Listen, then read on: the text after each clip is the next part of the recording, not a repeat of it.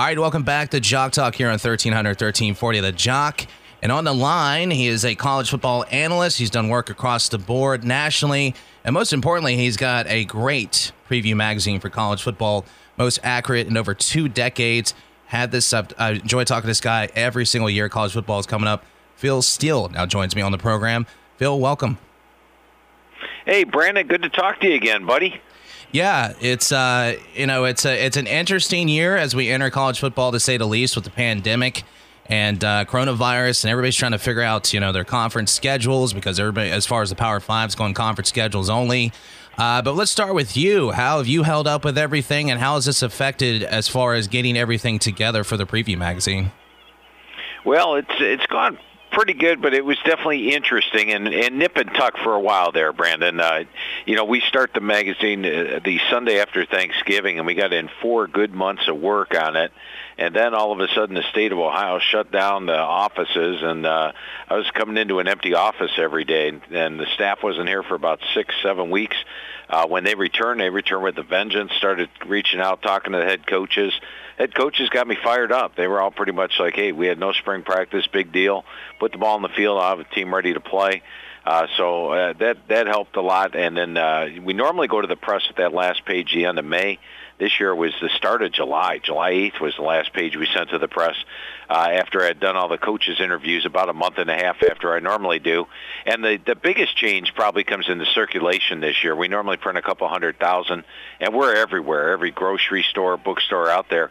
But this year we only printed 50,000, about one-fourth what we normally print.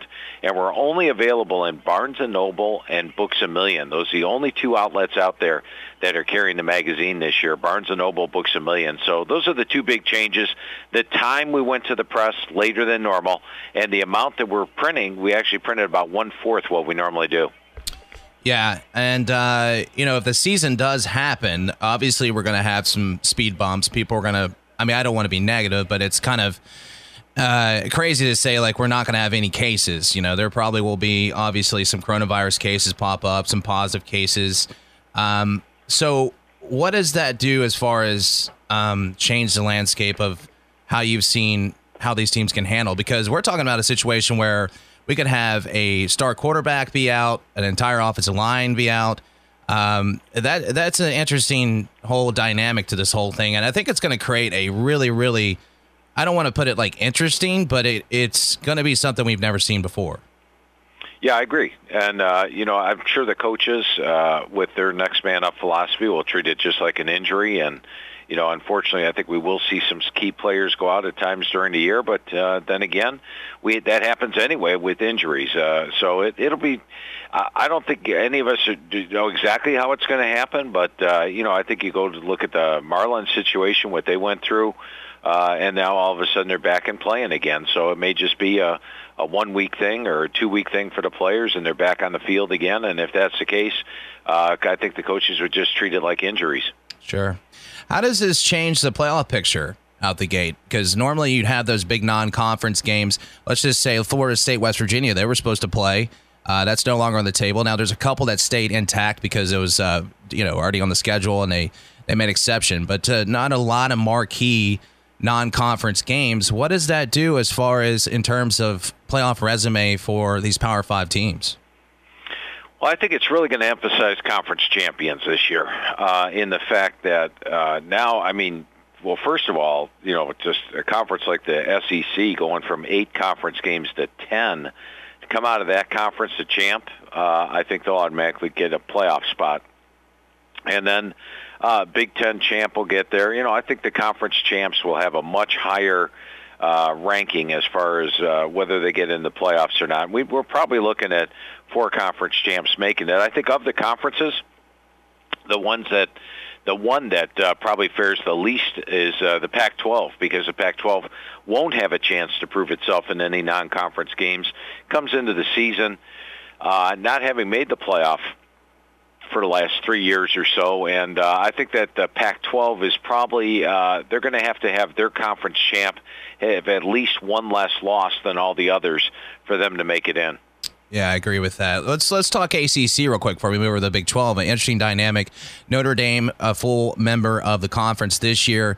uh, as if anybody has followed college football and had been on a rock, Notre Dame has always prided itself on being independent and solely uh, scheduling its teams based off its brand and what it brings to the table.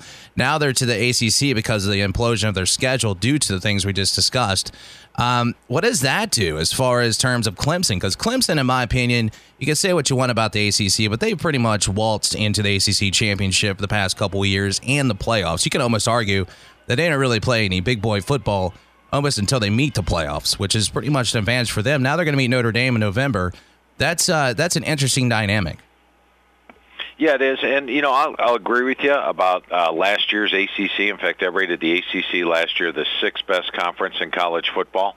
Uh, and uh, that was because it was basically Clemson, a Grand Canyon, and then there really wasn't even a second best team in the ACC. But this year, even prior to Notre Dame joining them, I graded it as the most improved conference in college football. Teams like North Carolina, which now has 17 returning starters and Sam Howell, Miami of Florida, which picked up a couple of key transfers in D'Eriq King, the quarterback from Houston, who had 50 touchdowns two years ago, as well as uh, Quincy Roche, the uh, American Conference Defensive Player of the Year from Temple. A team like Virginia Tech, who had 18 returning starters. Pitt had three players turned down the NFL. I thought the ACC was going to be a lot more competitive this year to begin with. Then you toss Notre Dame into the mix, and it will not be a cakewalk for Clemson this year. And whoever they play in the title game, whether it's Notre Dame or whether it's a, like a North Carolina, which took them to the wire last year and missed a two-point conversion at the end of the game, uh, I think Clemson will have a battle on their hands in the most improved conference in college football. I think a lot of people are a little upset about that because Notre Dame, you know, uh, did not ever want to join a conference due to, you know, financial gain, their contract with the NBC. We understand that, but uh, uh, everybody learned the NBC money is actually going to be shared throughout the conference, so they did get something out of that as well. Um, but looking at the uh, the Big Twelve, uh, Oklahoma obviously has been the darling of the conference several years. They've won the Big Twelve championship. Who the big question is who can dethrone Oklahoma this year? Well, probably uh, I would say there are four teams that have a shot at it. I'll I'll throw the long shots at you first. Iowa State, led by Brock Purdy, uh, dangerous squad. Uh, they've got Breece Hall at running back, a guy who had 100 yards per game rushing his last eight games last year. One of the top defenses in the Big 12.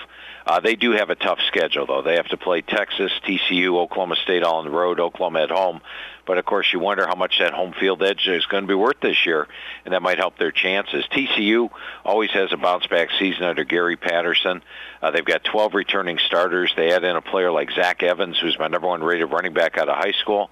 Uh, they add in J.D. Spielman, a wide receiver from Nebraska, an LSU transfer at linebacker to go along with Garrett Wallow. Uh, and they already had one of the best defenses in the Big 12 last year.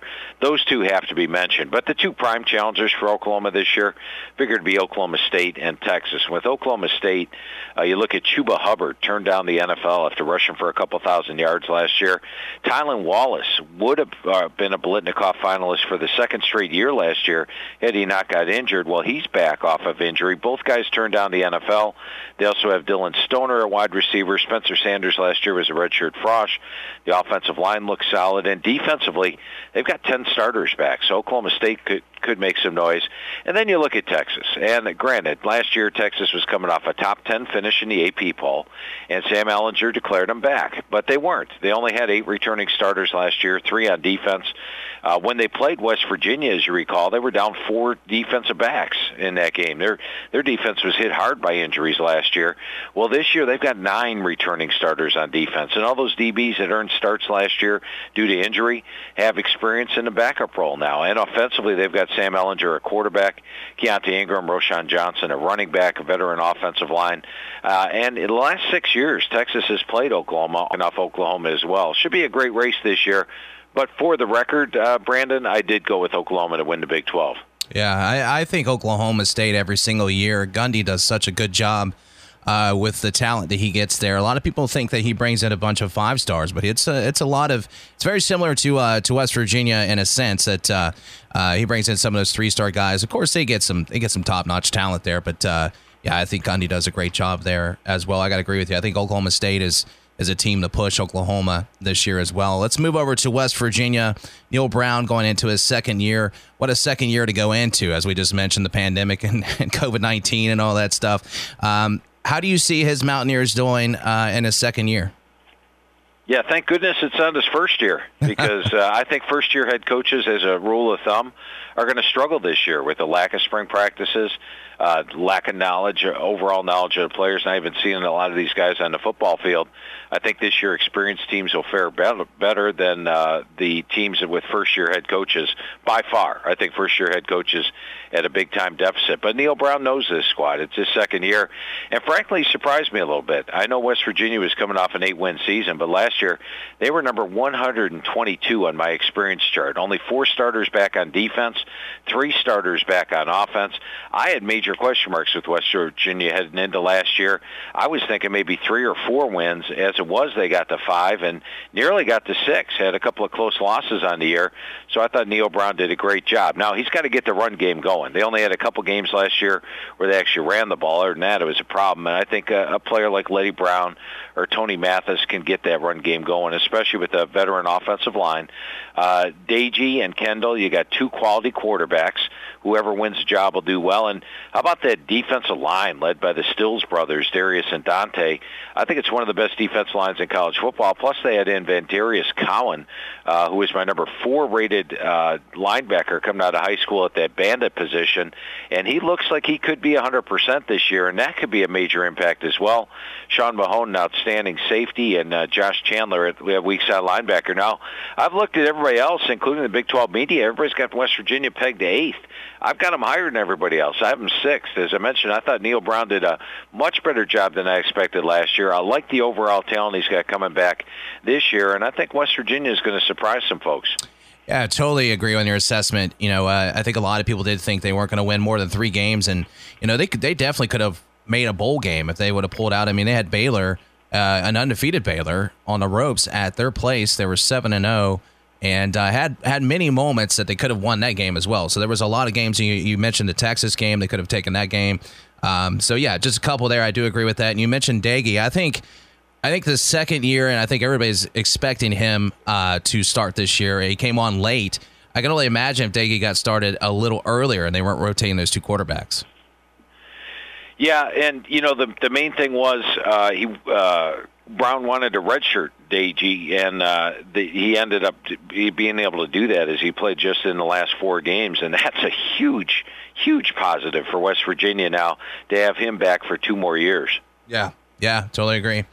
Um, so where do you see him as far as in terms of improvement at the quarterback position this year? We always say that. That's the uh, that's the common uh, theme or statement, I guess, is okay. Well, a quarterback's better in the second year of the system. Where do you see his improvements the most? Well, I mean, he was pretty accurate last year. He hit 66% uh, of his passes last season, and um, or yeah, 66% with a 7-3 ratio. I think we're going to see him throw the football down the field a lot more than he did last year, uh, having a full year under his belt. Uh, you look at the offense in the games he did start, while they showed improvement, they still only had 24, 13, and 20 points. I think it'll be a much more explosive offense uh, with him being a lot more confident. Finally, with West Virginia, you you mentioned you put them at number six. Um, where do you see them as far as the win total? and maybe some games that they might uh, they might steal, especially as we mentioned some some interesting. Uh, obviously an interesting situation. Maybe some players are out of game. Uh, where do you where do you see as far as West Virginia as a win total? Uh, you know, nine Big Twelve games. Probably looking at uh, five and four, four and five, something in that area. I've just mentioned I've got them sixth in the league. Uh, and it, a lot depends on uh, perhaps how they do on the road. You know, you look at games on the road right now: Iowa State, Oklahoma State, Texas, Texas Tech, all tough. But you wonder what the home field edge is going to be for those, and, and what's the home field edge going to be for West Virginia at home. We don't know what the crowd's going to be, and we don't know what the players going to be. But uh, I've got them coming in right in the mid- middle of the pack of the Big 12 right now. Phil, again, uh, let everybody know where they can grab your uh, your preview magazine, most accurate for over two decades. Let everybody know where they can grab a copy of that. Well, I appreciate that, Brandon. And, and once again, it's important. I know in years past, you've been out driving around. You go to the grocery stores, every bookstore, Walmart, Walgreens, places like that. You can find the magazine. Not this year. We printed one fourth the amount of ma- magazines we normally do. It's only available at Barnes and Noble and Books a Million. Those are the only two retailers that have it. Get them while they still have them. We printed a limited quantity this year, so go to your Barnes & Noble or Books a Million to pick up a copy. Or if you want, you go online and get it at philsteele.com. That's S-T-E-E-L-E dot com. And for more information, follow me on Twitter. It's at philsteele042. Phil, appreciate your time on the program today. Hey, Brandon, lots of fun talking football with you today.